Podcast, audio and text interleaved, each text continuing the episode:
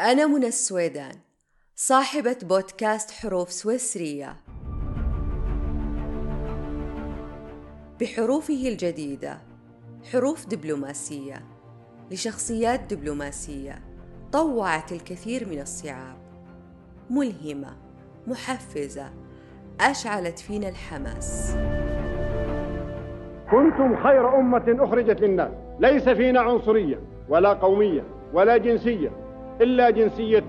لا إله إلا الله محمد رسول الله. نحن أيها الإخوة لسنا ممن يديرون المعارك من وراء المكاتب وأجهزة التلفون.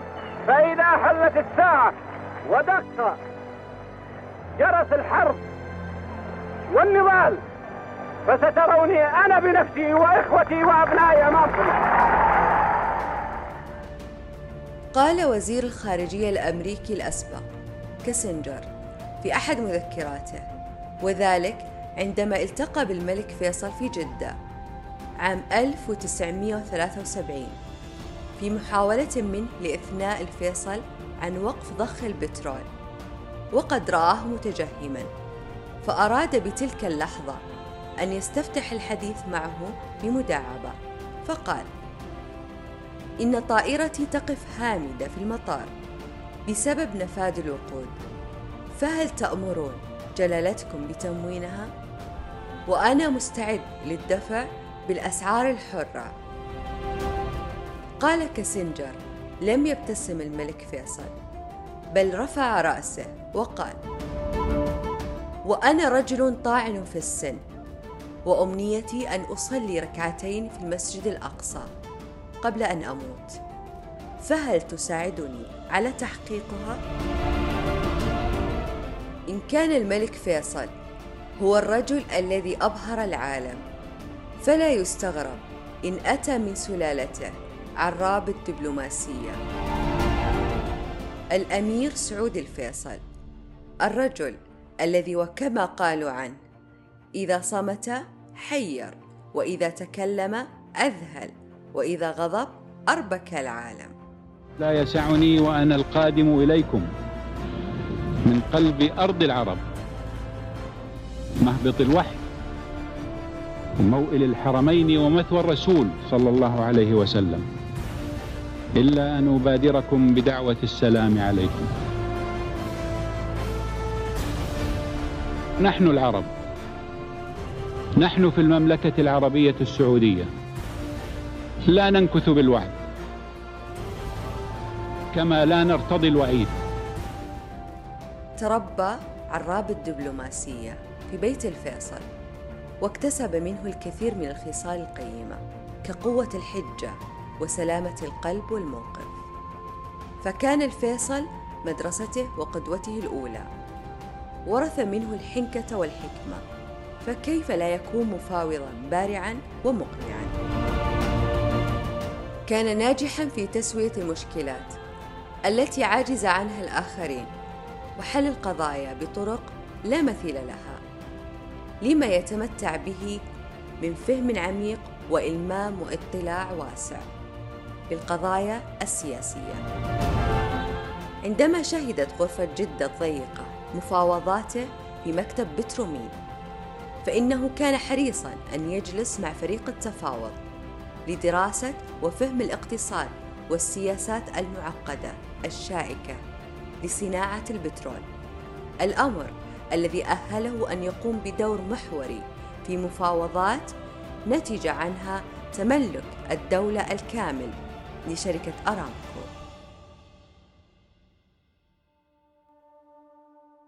جهده الذي توج باتفاق أنهى الحرب الأهلية اللبنانية ودوره المشرف أثناء الحرب العراقية الإيرانية. أسر جميع من عمل معه بأسلوبه السهل الممتنع وفكره الثاقب. كان ملم بمعلومات وافية لجميع مناحي الحياة. عرف سموه بعميد وزراء العالم وموسوعة العرب. قناعته الدبلوماسية الصدق للمراوغة والخداع. احترامه للخصم بدلا من الاستهانة به. أو التقليل من شأنه ومن مواقفه في إحدى الأيام حيث كان مسافرا. كان يتجنب الاجتماع مع وزراء الدول الأخرى على مائدة الطعام يتناول وجبته في غرفته. وعندما سئل أجاب نحن العرب من طباعنا الكرم فلا أستطيع أن أشارك طعامي إسرائيلي ولا أقوم بالواجب.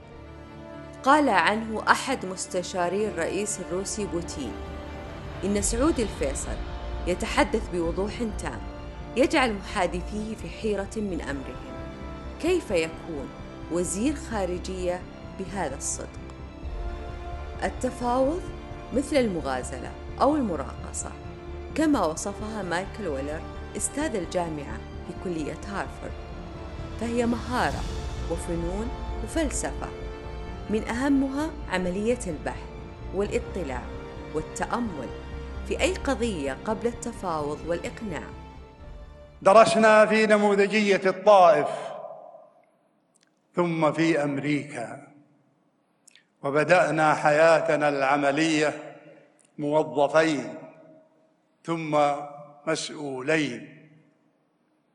لعبنا كرة القدم معا وامتطينا صحوات الخيل سويا. مارسنا البيزره واقتنصنا الحباري في الصحاري. تفاهمنا بدون كلام وتبادلنا المودة والاحترام. كان يرحمه الله شابا وسيما. ورجلا قديرا وشيخا حكيما. واسع المعرفة كبير الموهبة رفيع المنزلة. هدوءه مهاب وصمته خطاب ولحظه شهاب. الأمير سعود الفيصل. أبهر الجميع بهدوئه في التعامل. فعندما سئل صدام حسين عن الرجل الذي يخشاه أجاب سعود الفيصل أدهى وأهدى من قابلت في حياتي. فحينما كنت في حرب إيران جعل العالم معي. وبعد أن دخلت الكويت قلب العالم ضدي وكل ذلك يكون في مؤتمر صحفي واحد. إذا تحدث أسكت. وإذا فعل أنجز وإذا انتصر تواضع. أضاف إلى السياسة أنفة وإلى المناصب عظمة. شهدت له المنابر والمؤتمرات والتفتت إليه الرؤوس والنظرات وأكبره الساسة والقيادات. فاجأه المرض فأخفاه وأعاقه فتحداه. لم أرى أصبر منه إلا والده يرحمهما الله. الجاذبية التي اكتسبها في أقواله وأفعاله فهو من أدق الشخصيات في تفاصيل ظهوره في ملبسه مشيته جلسته وتعابيره وأيماءاته. غير مبتسم أثناء خوض المفاوضات وحتى بعد كسبها. والسبب يعود لاحترامه لخصمه. كما لعبت دور كبير في التأثير اللاواعي للمتلقي. كل من عرف آه، سعود الفيصل آه، يؤخذ بأول ما يؤخذ به بشكله آه، في في وسامته وفي وقاره حتى في صغر سنه وفي هندامه وطريقة آه، وقوفه وجلوسه. أنت لو آه، تراجع الصور الفوتوغرافية له الله يرحمه من يوم ما كان صغير تجد فيها الصفات اللي هي كانت طبعا في الحياة آه، تبان أكثر من الصور. أسقط عراب الدبلوماسية جميع نقاط الضعف التي قد تكون سلاحا بيد العدو. وذلك حين قال في أحد حواراته إن العرب عاشوا قبل النفط وسيعيشون بعده وكان لهم الدور الأكبر في صياغة أحداث ومراحل التاريخ. نحن لسنا دعاة حرب ولكن إذا قرعت طبولها فنحن جاهزون لها. هنا اجتمعت وفي جملة واحدة الثقة والحكمة القوة والحزم والثقل وبلاغة القول. فلا أحد سينظر لآرائك وأفكارك وأنت تفتقر تلك الصفات. لأننا لسنا دعاة حرب ولكن إذا قرعت طبولها فنحن جاهزون له حريص على علاقاته وتبادل الثقة والشاهد مقولته. نحن نتعامل بصدق مع أعدائنا مثل ما نحن صادقون مع أصدقائنا يجب أن نكون صادقين مع العدو والصديق. عندما يمزح يضحك الجميع وعندما يبكي ترتجف لدموعه وعبراته القلوب.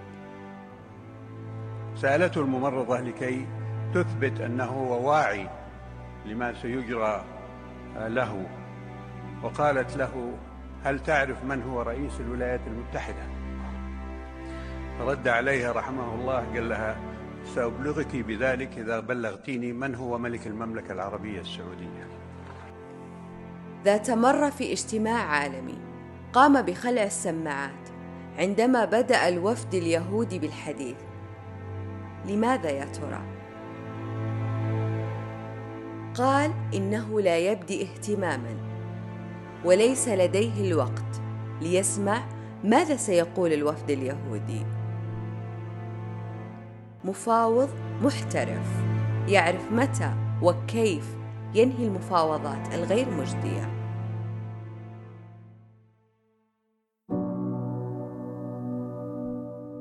بعد إن استقال من منصب وزير الخارجية قرر بتدوين كتاب ليس في شكل مذكرات وإنما في ذكريات لأهم الأمور التي صادفته في مسيرة حياته المهنية.